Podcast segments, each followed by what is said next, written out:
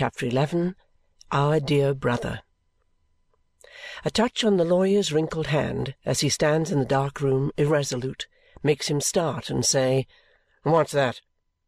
"It's me," returns the old man of the house, whose breath is in his ear. "Can't you wake him?"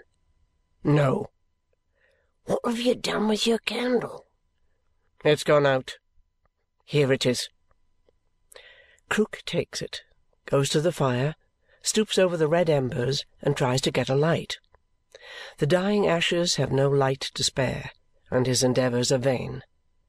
Muttering, after an ineffectual call to his lodger that he will go downstairs and bring a lighted candle from the shop, the old man departs. Mr. Tulkinghorn, for some new reason that he has, does not await his return in the room, but on the stairs outside. The welcome light soon shines upon the wall as Krook comes slowly up with his green-eyed cat following at his heels. "Does the man generally sleep like this?" inquired the lawyer in a low voice. "I I don't know," says Krook, shaking his head and lifting his eyebrows. "I know next to nothing of his habits, except that he keeps himself very close." Thus whispering, they both go in together. As the light goes in, the great eyes in the shutters, darkening, seem to close. Not so the eyes upon the bed. "God save us!" exclaims Mr. Tulkinghorn. "He is dead!" Krook drops the heavy hand he has taken up so suddenly that the arm swings over the bedside. They look at one another for a moment. "Send for some doctor. Call for Miss Flite up the stairs, sir. He is poisoned by the bed. Call out for Flite, will you?" says Krook with his lean hand spread out above the body like a vampire's wings. Mr. Tulkinghorn hurries to the landing and calls, "Miss Flite! Flite! Make haste here, whoever you are. Flite!" Krook follows him with his eyes, and while he is calling, finds opportunity to steal to the old portmanteau and steal back again. "Run, Flite, run! The nearest doctor, run!" So Mr. Krook addresses a crazy little woman who is his female lodger, who appears and vanishes in a breath, who soon returns, accompanied by a testy medical man brought from his dinner with a broad snuffy upper lip and a broad Scotch tongue. "Aye, bless your hearts ye!" says the medical man, looking up at them after a moment's examination. "He's just as dead as Phairy." Mr. Tulkinghorn, standing by the old portmanteau, inquires if he has been dead any time. "Any time, sir?" says the medical gentleman. "It's probable he will have been dead about three hours." "About that time, I should say," observes a dark young man on the other side of the bed. "Are ye in the medical profession yourself, sir?" inquires the first. The dark young man says yes. "Then I'll just tak my departure," replies the other, "for I'm nae good here." With which remark he finishes his brief attendance and returns to finish his dinner. The dark young surgeon passes the candle across and across the face and carefully examines the law writer, who has established his pretensions to his name by becoming indeed no one. "I knew this person by sight very well," says he. "He has purchased opium of me for the last year and a half. Was anybody present related to him?" glancing round upon the three bystanders. "I was his landlord," grimly answers Krook, taking the candle from the surgeon's outstretched hand. "He told me once I was the nearest relation he had." "He has died," says the surgeon, "of an overdose of opium, there is no doubt. The room is strongly flavoured with it. There is enough here now," taking an old teapot from Mr. Krook, "to kill a dozen people." "Do you think he did it on purpose?" asks Krook. "Took the overdose?" "Yes." Krook almost smacks his lips with the unction of a horrible interest. "I can't say. I should think it unlikely, as he has been in the habit of taking so much. But nobody can tell. He was very poor, I suppose. I suppose he was. His room don't look rich, says Krook, who might have changed eyes with his cat as he casts his sharp glance around. But I have never been in it since he had it, and he was too close to name his circumstances to me. Did he owe you any rent? Six weeks. He will never pay it, says the young man, resuming his examination. It is beyond a doubt that he is indeed as dead as Pharaoh, and to judge from his appearance and condition, I should think it a happy release. Yet he must have been a good figure when a youth, and I dare say good-looking. He says this not unfeelingly, while sitting on the bedstead's edge with his face towards that other face and his hand upon the region of the heart. I recollect once thinking there was something in his manner, uncouth as it was, that denoted a fall in life. Was that so? He continues looking round. Krook replies, You might as well ask me to describe the ladies whose heads of hair I've got in sacks downstairs than that he was my lodger for a year and a half and lived, or didn't live, by law writing. I know no more of him. During this dialogue, Mr. Tulkinghorn has stood aloof by the old portmanteau, with his hands behind him, equally removed, to all appearance, from all three kinds of interest exhibited near the bed. From the young surgeon's professional interest in death, noticeable as being quite apart from his remarks on the deceased as an individual, from the old man's unction, and the little crazy woman's awe. His imperturbable face has been as inexpressive as his rusty clothes. One could not even say he has been thinking all this while. He has shown neither patience nor impatience, nor attention nor abstraction. He has shown nothing but his shell. As easily might the tone of a delicate musical instrument be inferred from its case as the tone of Mr. Tulkinghorn from his case. He now interposes, addressing the young surgeon in his unmoved professional way. "I looked in here," he observes, "just before you with the intention of giving this deceased man, whom I never saw alive, some employment at his trade of copying. I had heard of him from my stationer, Snagsby of Cook's Court.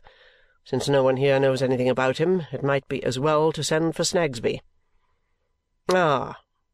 to the little crazy woman who has often seen him in court and whom he has often seen and who proposes in frightened dumb show to go for the law-stationer.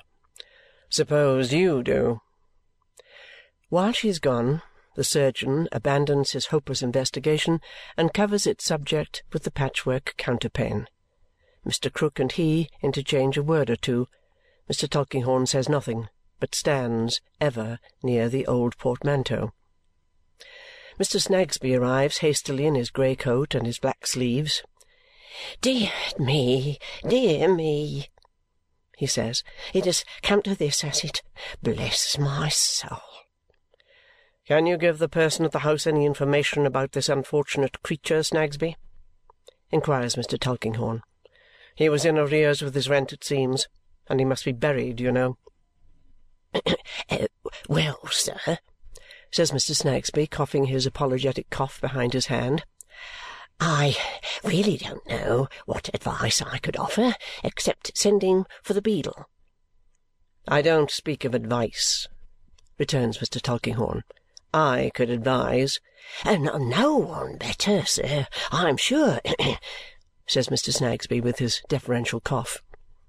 I speak of affording some clue to his connections or to where he came from or to anything concerning him.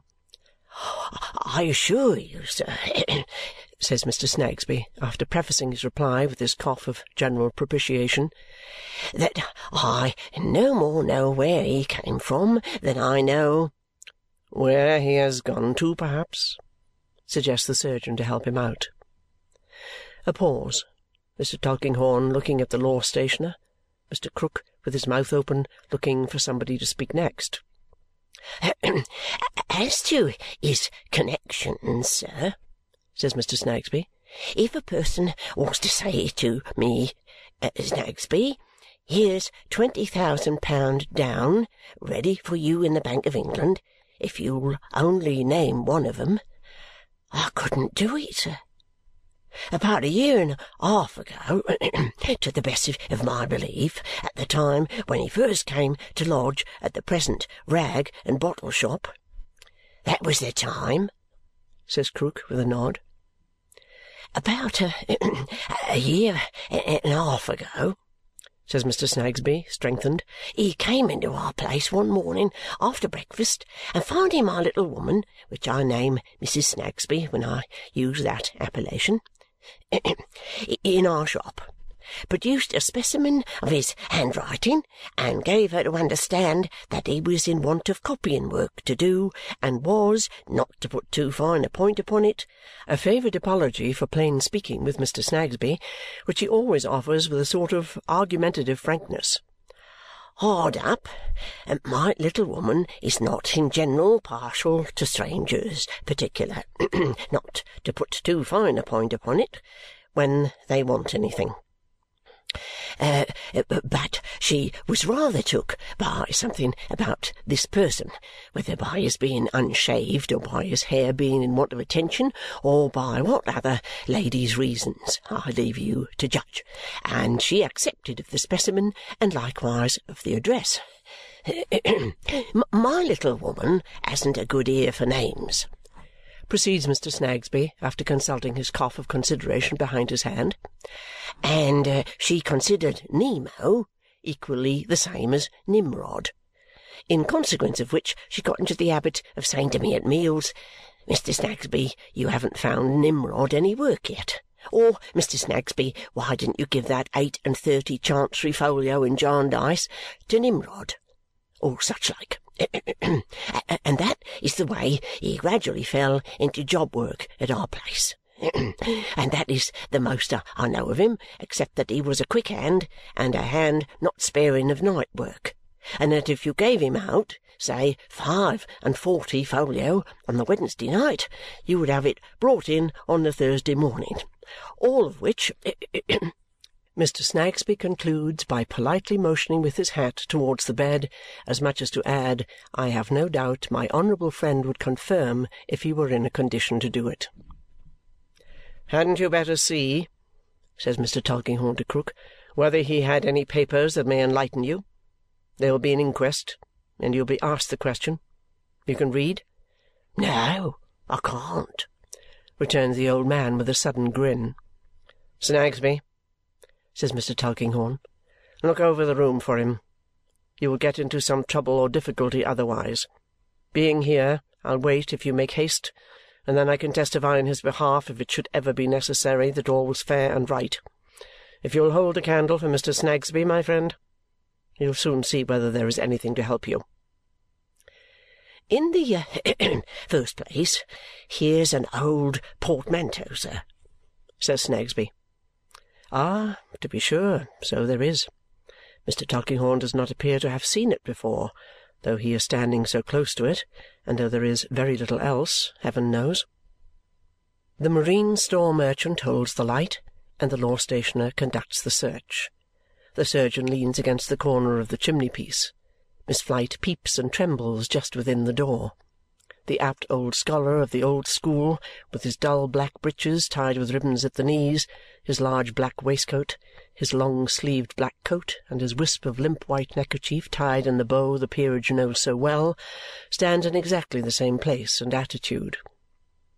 There are some worthless articles of clothing in the old portmanteau.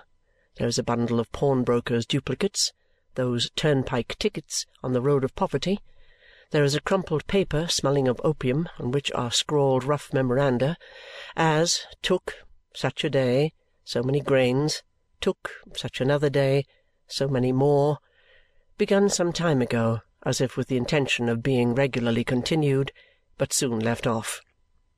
There are a few dirty scraps of newspapers, all referring to coroners' inquests. There is nothing else. They search the cupboard and the drawer of the ink-splashed table. There is not a morsel of an old letter or of any other writing in either. The young surgeon examines the dress on the law writer. A knife and some odd halfpence are all he finds.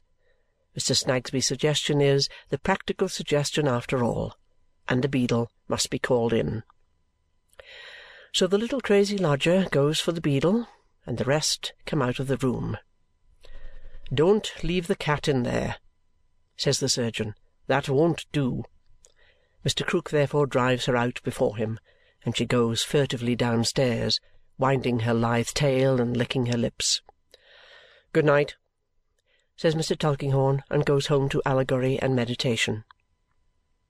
By this time the news has got into the court. Groups of its inhabitants assemble to discuss the thing, and the outposts of the army of observation, principally boys, are pushed forward to Mr. Krook's window, which they closely invest.